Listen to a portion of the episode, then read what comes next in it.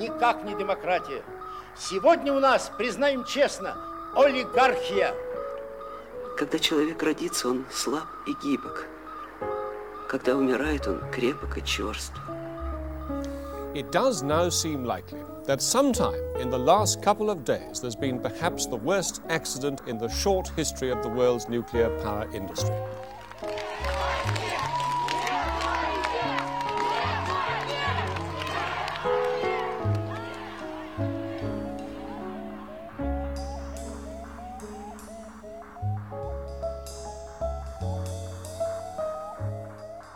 Kæru hlustendur, við erum stött í rús.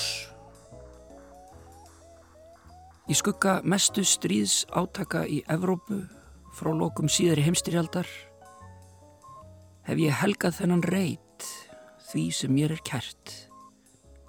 Rúslandi og rúsneskri menningu. Sín okkar á þetta tvent verður aldrei söm Heimsmyndin kollvarpaðist í kjölfar innrásirinnar í Úkrænu. Veröldin stendur á krosskutum. Hvað nú? Þegar lagt hefur verið viðskiptabann og ímis önnur höft á rúsa, eigum við jafnframt að sleifa rúsneskri menningu. Eigum við að leggja vilja stjórnvalda og alþýðu manna í Rúslandi að jöfnu? Nei segi ég. En horfist eiga síður í auði það að fótonum hefur verið kipt undan mér, undan okkur sem byrjum hag Rúslands og rúsneskrar menningar fyrir brjósti. Hvernig tölum við um þetta tvent í ljósi voðaverkana sem rúsnesk stjórnveld standa fyrir í Úkrænu? Það var út frá þessari spurningu sem hugmyndin að þáttaröðinni Rús kveiknaði. Rús er upphaf Rúslands. Þangað sildu norrænir menn til forna og ymsir vilja meina að úr norrænum málum sé nafnið komið.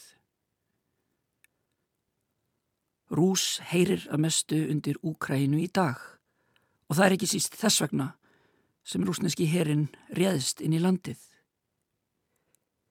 Kænugarður og aðrir staðir sem eitt sinn tilherðu hinn í fornu rús eru helgir, með subuðum hætti og þingvellir eru helgir í augum Íslandinga. En þessi heilaga hugmynd um rús er ekki eitthvað sem rússar geta eigna sér. Rús er staður sem fyrirfinnst ekki lengur á landakorti heldur í huga þess sem unir slavnesku sögu og menningu. Orðið hefur verið skáldum og rítvöndum kært í gegnum tíðina og eins rússum sem af einni eða annari ástæðu tvelja í útlegð frá heimahögum sínum. Rús er leindur gríðarstaður en líka verkstæði hins mögulega þess Rúslands sem gæti orðið. Sælurús. Þegar fókið er í flest skjól, allar bjargir eru bannaðar, þá leitar þú að þessum helga reit í huganum, í þessi unuhús sem við nefnum rús.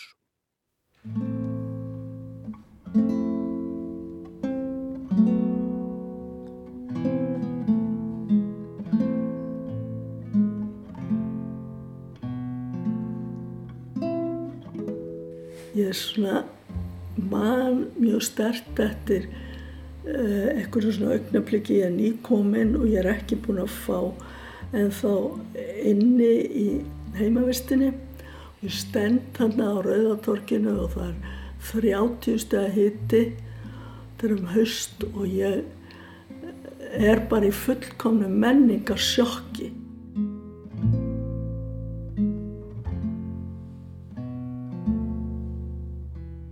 Hér heyrum við í gesti þáttarins, Hallvegu Torlasíus brúðuleikara með meiru. Hallveg fættist í Reykjavík árið 1939 og átti þann draum að læra brúðuleik í Sovjetríkjónum.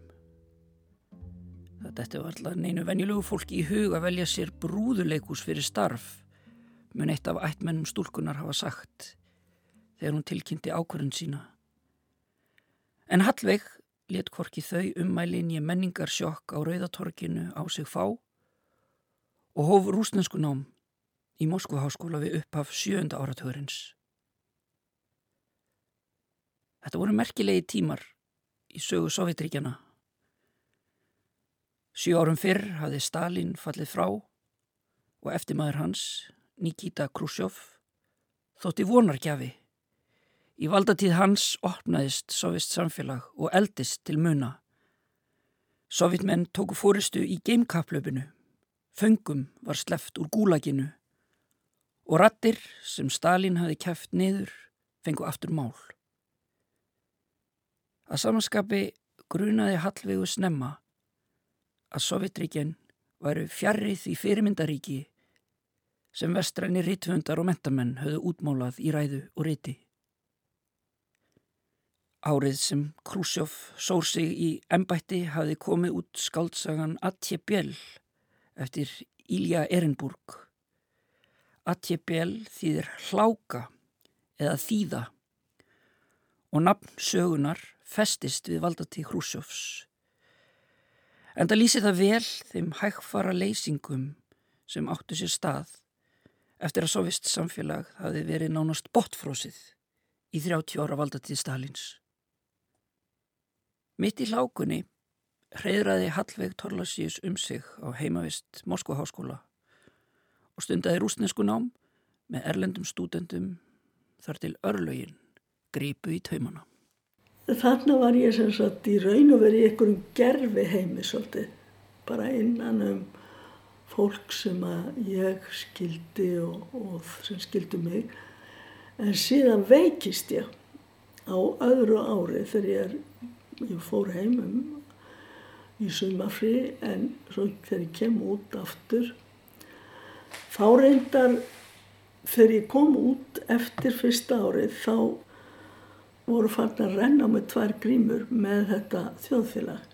Þó að þetta væri að vissu sko, þetta var í þýðu tímabilinu, Hrúsjóf var, var aðstráðandi og það búið að steipa Stalin og þetta er semst 1960 og ég fór svo heim endalega 63.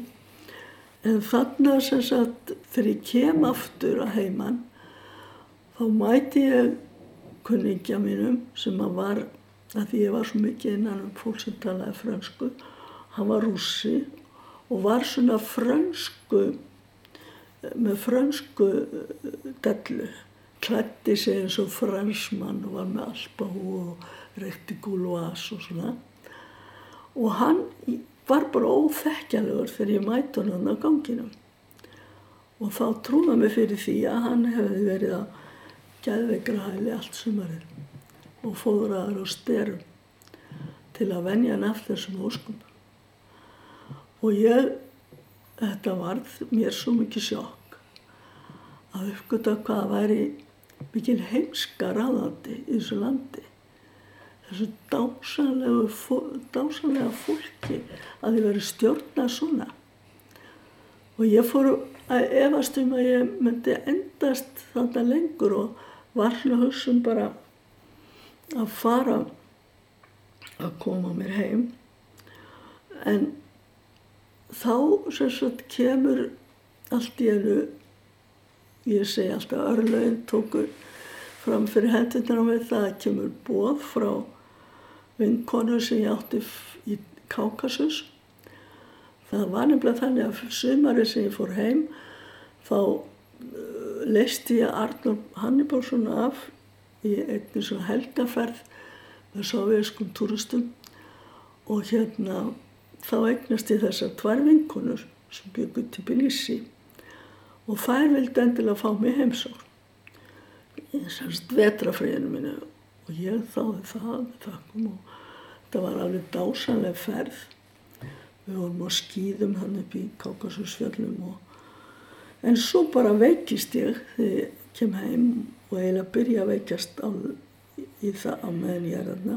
Þess að þú kemur aftur til Moskvu? Já. Já. og þá kemur í ljós að ég hef smittast af veiru sem fyrir kalla Botkins sjúkdóm en var í raun og veru veiru gula og það uppgötast þannig að þegar ég kem heim eða til Moskvu og ég er strax sett í sótkví og ker bara í sjúkrabíl á sjúkrahús og er þar bara í tvo mánuði með að verða að lækna mig. Og þarna er ég sem sagt einangruð með 11 öðrum konum í sömu sjúkrastofunni og við erum upp á fjólahæð og ef það komum gestir þá eru þeir að standa bara öskra upp á gluggan til okkar og í raun og veru finnst mér eftir á að þarna hafi ég lært mest um Rúsland og Sovjetrygin. Þetta er bara, eh, bara þverskurður af sovjeskum konum sem allar eiga við rosalega örðuleika að stríða. Og þær töluðu mjög mikið um sig og sína hægi og það var þarna einn frá úr Samurkibúi, önnur var frá Armeníu og svo voru það að koma og fara og, og þetta var mjög skrautleg sambúð með þeim. Eftir tvo mánuði á spítala hafði Hallveig Torlasíus náð fullum bata. Hún tók upp þráðinn þar sem frá var horfið í náminu og náði vorprófunum. Í stað þess að fara heim um sumarið ákvað Hallveig meira segja að klífa fjallgarða Kákasus með vinkunum sínum frá Georgiu þar sem hún hafi smittast á gulum veturinn. Í Moskvu voru vitaskuld vinnir á borfið Árna og Lenu Bergmann, Magnús Jónsson, leikús og kvikmundagerðamann og Kyrigei, eiginkonu hans. En var Hallveig ekkert umkomulus, ekkert hrætt, forveik í stærsta landi veraldar, upp í hæstu tindum Kákasusfjalla. Sem ég satt í stofunni hjá Hallveigu fann ég að mig langaði til að vita meira um það hvernig henni leið á þessum tíma og jáfnframt langaði mig til að vita meira um 11 menningarna sem hún lág með á spítalunum í Moskvu. Þetta er þannig að ég er ekki nema tvítug og þegar maður er svona ungur þá er alltaf allt í lagi, alveg sama hvað gerist. Og ég kem þarna og ég mann til dæs, ég var svona því ábúin að vera, fyrst var ég þetta rosalega slöpp, ég var orðin bara að engu af því ég hafði enga matalist og svona.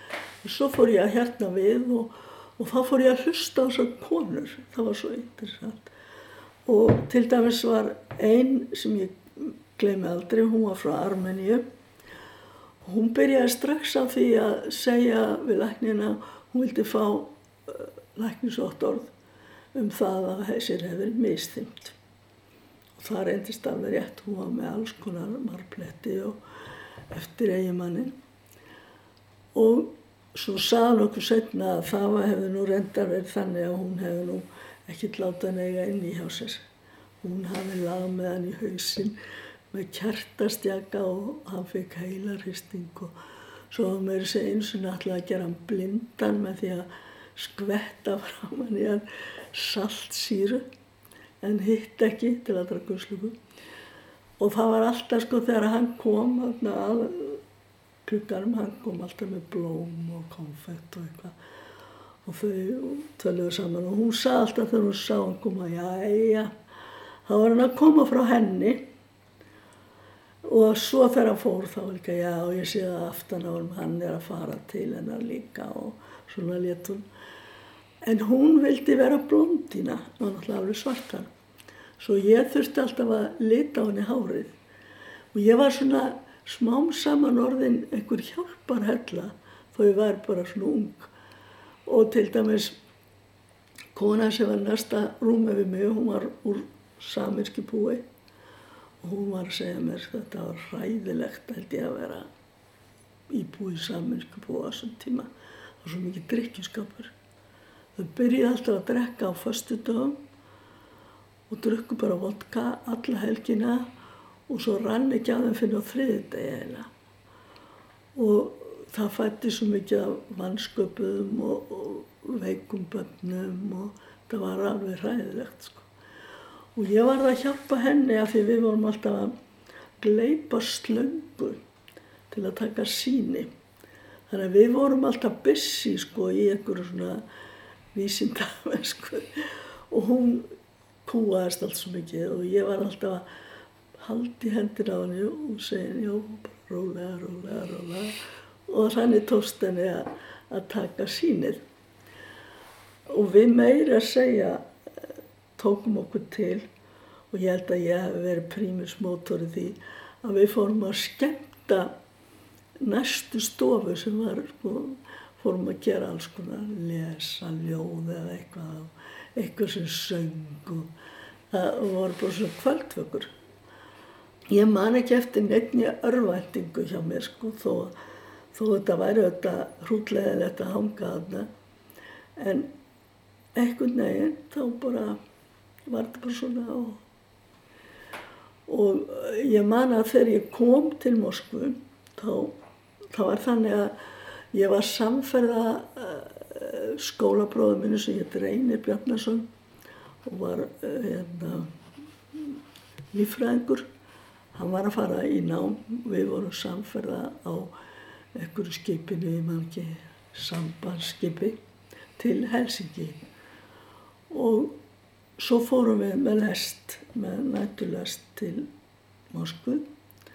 Og það var mín fyrstu kynni af rússum voru þessari lest að við fórum þannig að settast inn og, og fólk er alltaf með nesti með sér í þessum lestum. Ægilega fínt nesti. Og það er einhver eldri maður þarna með okkur. Og hann opnar strax sína uh, dásamlegu matarkistu fyrir okkur klæði sér í náttföld og svo erum við þannig að borða hjá honum. Þegar við komum svo til Leningrad þá heimtar hann að við förum með sér út úr lestinni. Og hann er á náttutónum og hann hleypur undan okkur alveg eins og fætutóða og við eftir honum og þá var hann bara að sína okkur einhver dásamlega neðagerðalestastöð sem hann var svo stoltur af, vildi sína útlendingunum og og við rétt náðum því að komast aftur eh, um borði lestina og við fórum stað. Til að halda frá til Moskvu. Já.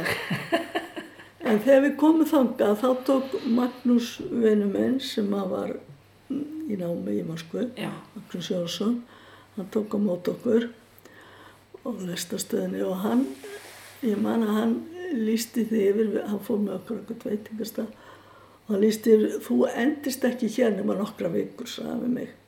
Já. En ég endist í tvö ár og þetta var náttúrulega óskaplega mikil, mikil þroska ferli. Я не люблю холодного цинизма, восторженность не верю и еще, когда чужой мои читает письма, заглядывая мне через плечо. Я не люблю, когда наполовину или когда прервали разговор. Я не люблю, когда стреляют в спину. Я также против выстрелов в упор. Я ненавижу сплетни в виде версий, червей сомнения, почести иглу. Или когда все время против шерсти, или когда железом по стеклу. Я не люблю уверенности сытой Уж лучше пусть откажут тормоза Досадно мне, коль слово честь забыто И коль в чести наветы за глаза Когда я вижу сломанные крылья Нет жалости во мне и неспроста Я не люблю насилие и бессилие Вот только жаль распятого Христа я не люблю себя, когда я дружу. Досадно мне, когда невинных бьют. И я не люблю, когда мне лезут в душу. Тем более, когда в нее плюют. И я не люблю манежи и арены. На них миллион меняют по рублю. Пусть впереди большие перемены. Я это никогда не полюблю. Ég verði að játa það að, að bara landið og fólkið í kringum mig, það heitlaði mig algjörlega og, það, og ég umgengst svo dásanlegt fólk. Eh, Ég læri, bæði var það nú hérna, þessar vinkonum mínar úr á spítalanum sem ég fór að uh, já, umgengst alveg í tvo mánuði. Og svo var líka fólki hennar Lenu Lena Bergmann sem var kona átna. Ég var svona pínu eins og heimagangur hjá þeim og þau voru nýbúin að eignast snorra litla og hérna hún var uh, bókmæntafræðingur og ég kynntist líka hennar fólki, sko, foreldrum hennar og, og svo náttúrulega líka, það voru ekki nema 15 ár liðin frá stríðsloknum þegar ég er hana og allir sem ég kynntist voru með hugan þar. Það var bara frið, frið, frið. Og fólk var auðvitað tilbúið að þóla ýmislegt af því að maður hefur séð að svartara sko, þú veist, ég meina Stalin er dauður, það er ekki hungusneið lengur, það er friður, það er allt mögulegt sem er hægt að týna til jákvæmt. En svo var náttúrulega alveg óskaplega óréttlæti á bakvið þetta allt. Og ég man að ég hitti einu sinni mann sem var að koma úr fangabóð í Sýmbjörni. Og það er eitthvað það erfiðasta sem ég hef upplifað. Að sjá hvernig hann var held ég örglega ekki, hann var ekki rússi sko, hann var annarkort franskur eða belgiskur. Og hann var búinn að vera þarna alveg síðan í stríðinu sko, í 20 ár líklega næstum og það var alveg sloknað allt. Það, það var ræðilegt að sjá þetta, Ekkert eftir honum. ekkert eftir. En hann var auðvitað að fara heim sko úr landi og vonandi hefur nú kannski kveiknað aftur á hann. En það var sko, þetta var auðvitað eh, svo þvílík grimd á bakvið og sem að þegar maður les til dæmis bara æfisögu Stalins, Stalin ungi, þessi æfisaga sem að þar sem að e, því að líst hverju hann lendir í af hálfu keisaraveldisins. Og hann er náttúrulega sendið til Sýbiri og hann er þetta og þetta. Svo gerir hann nákvæmlega það sama við sína þegna bara hundra sinnum meira og maður sko botnar ekkert alveg í þessu Já. Já, þetta er einhver svona, held ég séum svona nálgast svona einhverjar grunn þversagnir já, í þessum rúsneska þjóðakarakter. Já. Og mér finnst það einhvern veginn merkilegt með þig að þú segir að, að það sé ekki fyrst og fremst þetta svona pólitíska samengi sem að hafi orðið til þess að þú fórst út heldur nei, brúðugjörða listinn og þar er maður náttúrulega komin svolítið handan við þetta pólitíska já, samengi og, og brúðuleikusi það er einhvern veginn æfa fornt en um leið er það eitthvað svo millilega laus samskipti já, brúðurnar eru bara eins og einhverjar frum persónugerðir uh, mannkinsins og og svo saklusar og svo saklausar, já. Þú, þú einhvern veginn kemur að, þess, að þessari þjóð úr eitthvað svo ótrúlega áhugaverðri átt, finnst mér, sko. Já, það má segja það. Og til dæmis hérna að því þú ert að tala um þetta paradox, sko, Já, að mér fannst það svolítið lýsandi. Ég er, var að taka þátt í einhverju samnorrænu svona festivali, brúðuleikursfestivali í Pétursborg. það er áður en ég uh, lendi í því að vera pöntu svo mikið til Rúslands.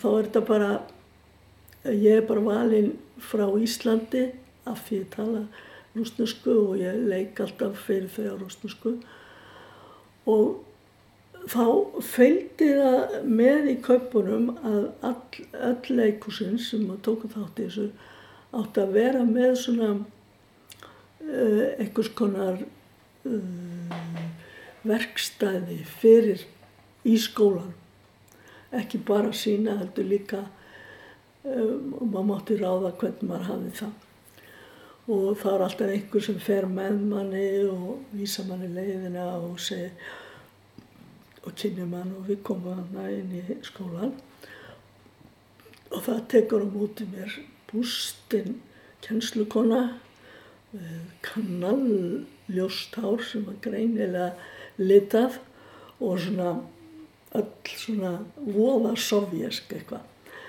Og hún segir já hún hefði nú ekki heyrt hana um þetta ég er fann að leika þarna og, og það sé bara allt upptekið og börnir séu bara í leikfimi og ég veit ekki hvað hvað. Svo ég segi já, já, já ég er nú samt sendinga. Og það endar með því að auðvitað fer ég úr síni og ég er með námskeið fyrir krakkana. Og þá sko þessi kuldi svona eða svona já máilega segja sko svo hrókafull uh, framkoma ákala hrókafull og ég fann alveg hvað það var sko blanda af minnumáttakent og líka hinnu sko þeir skulle ekki halda það hann í vestrinu að þeir séu eitthvað merkilegur eldur en við. Og þetta er akkurat það sem Putin er núna að nota og svo er ég sagt, búin að sína þarna og af því náttúrulega ég tala rúsnarsku þá, þá er ég ekki lengur hérna, meðhandluð alveg sem einhver óvinnur og þær fóru með mig inn á skristu skólastörans, kennararnir og hún var þarna líka fullt af konum að setjast þarna niður með mér. Og skólasturinn drefur upp vodkaflösku og konfekt og og svo við bara, erum við bara að spjalla og það endaði mér sem með því að þar voru fannir að trúa mér fyrir sko kynlífsvanda sínum heima fyrir. Þannig að þetta er svona, mér fannst þetta að lýsa svo vel því hvernig rússar, þeir eru svona óheirilega gestrisnir eins og þessi maður í lestinni sem að á náttúrtunum sem gaf okkur mat og svo leið svona stopp, stopp. Við erum stórveldi.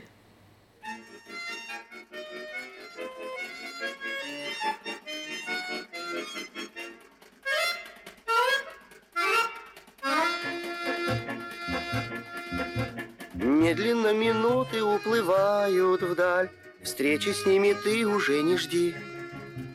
И хотя нам прошлого немного жаль, Лучшее, конечно, впереди. Скатертью, скатертью дальний путь стелится И упирается прямо в небосклон.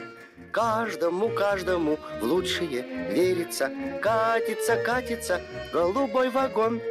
Может, мы обидели кого-то зря, Календарь закроет этот лист — к новым приключениям спешим, друзья. Эй, прибавь-ка ходу, машинист. Скатертью, скатертью дальний путь стелится И упирается прямо в небосклон. Каждому, каждому в лучшее верится, Катится, катится голубой вагон. Голубой вагон бежит, качается, Скорый поезд набирает ход. Но зачем же этот день кончается? Пусть бы он тянулся целый год.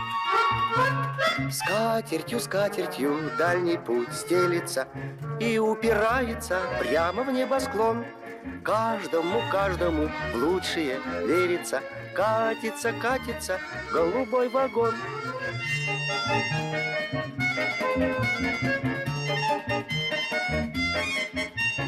Каждому, каждому в лучшее верится, Катится, катится голубой вагон. Brúðuleikurs hefð er rík í Östur-Európu og Rúslandi. Hér undir heyru við til dæmis lægið um bláa lestarvagnin, Galubæ Vagón, úr soviskri hreyfi eða animationmynd sem fjallar um förðudýrið Tjeburaska og vinn hennar, Gena Krokodil. En þær voru gerðar fyrir sjónvarp á 7. og 8. ára 2000. aldar.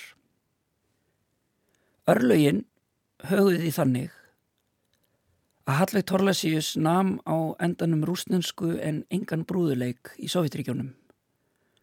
Brúðuleikur var kentur sem námskrein í Leningrad en ekki Moskvu og ógjörningur var fyrir Hallveigu að fá að skiptum skóla. En þessi stað fekk hún að vera að fluga á vegg í hinnu virta Obrasov brúðuleikusi Moskvuborgar.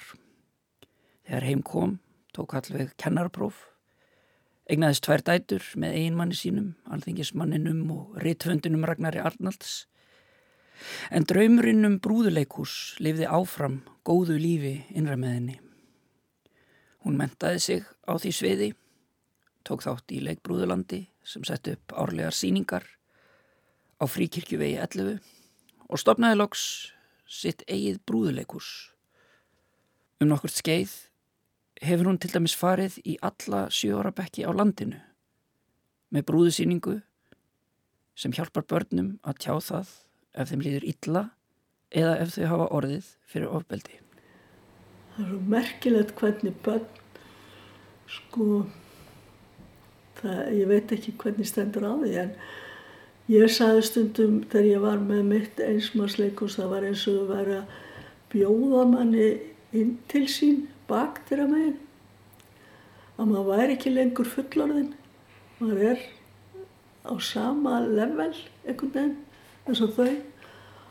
Og, og hérna þetta er alveg greinilega þannig að þau við erum alveg sínileg sem stjórnum brúðunum það eru alveg um, bara meter stórar og við stöndum fyrir aftan en þau tala aldrei við okkur, þau tala bara við bróðunar. Það er magnað. Já, þetta er mjög magnað og þetta, það er skólastjórar uh, skrifið eins, það, það láfið að þetta er því, uh, það var ekki fjárvæting fyrir því fyrir nokkrum árum og þá skrifiðu kennara, nei skólastjórar eitthvað staðar fyrir norðan held ég skrifiðu bref til fjármálraðansins að þetta væri eina skimunartækin sem þau hefðu. Það hafði ekki farið fram hjá Hallvegu þegar hún fyldist með í Obrasov leikhúsinu á sínum tíma. Hver mikil sérhæfing ríkti. Leikhúsið var mjög tæknilegt en um leið var hverjum brúðuleikara þröngt sniðin stakkurinn. Hann var kannski alla starfsæfina að reyfa neðri hlutan á sömu brúðinni. Brúðuleikús Hallvegar var aftur á móti einfallleikin holdi klættur og þessi einfallleiki átti eftir að höfða til brúðugerðamanna í landinu þar sem Hallveg nam með óvendum hætti síðar á lífsleðinni. Síðan sko þegar að Sovjetrikinn eh, liðast í sundur þá er ekki lengur þessi ríkistyrkir handa leikursunum og þeir lendi miklum ógangum brúðuleikusum í landinu.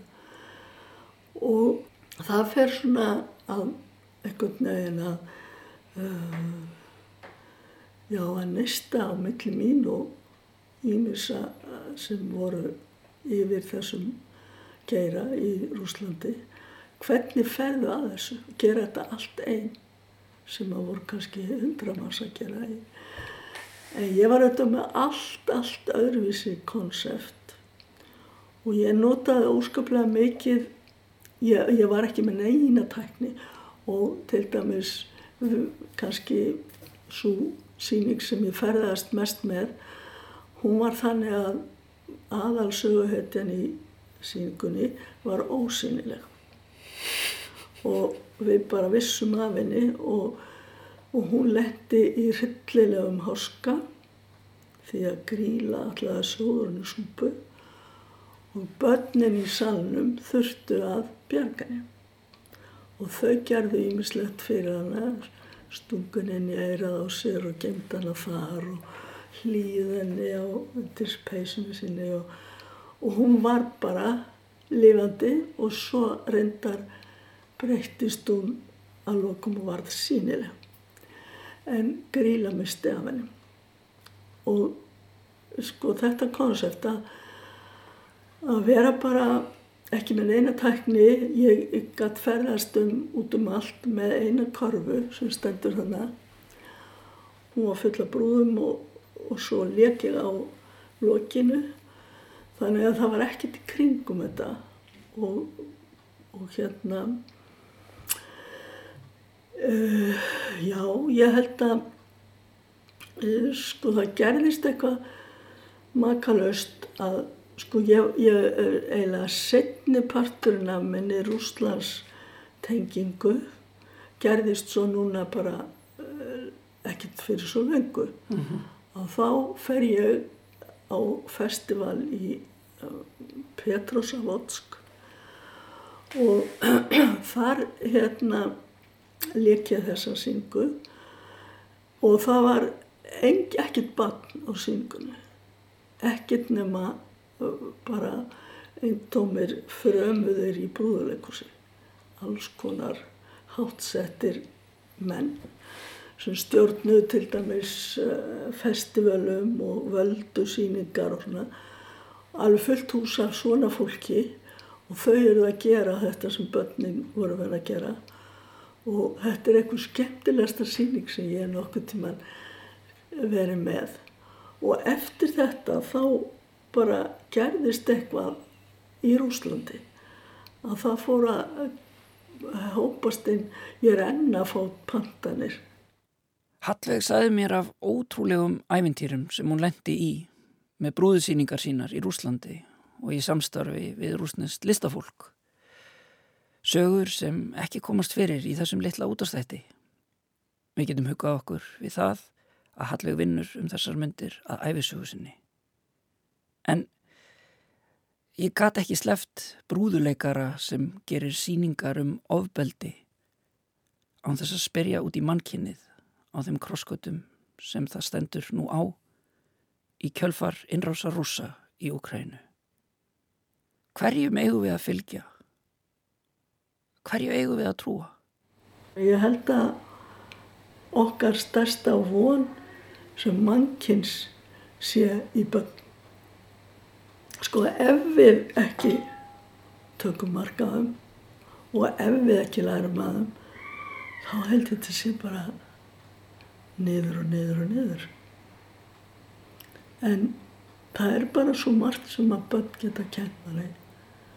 Ég tala nú ekki um ef að eitthvað breytist svona í ég veit ekki hvað ég var að segja ef við hættum að hugsa svona óskaplega mikið um efnahagsmál og gengi krónunar og þá komum við aftur að þessu maður horfir á nýfætt bann þá sér maður að þetta er bara eitthvað heilagt þau vita eitthvað sem við vitum ekki svo gleymum við því Það er til dæmis sagt að það sé partur á heilanum sem að vissnar með árunum ef maður ekki heldur honum lifandi og börn eru með þetta fram að 8 ára aldrei, eitthvað svo les.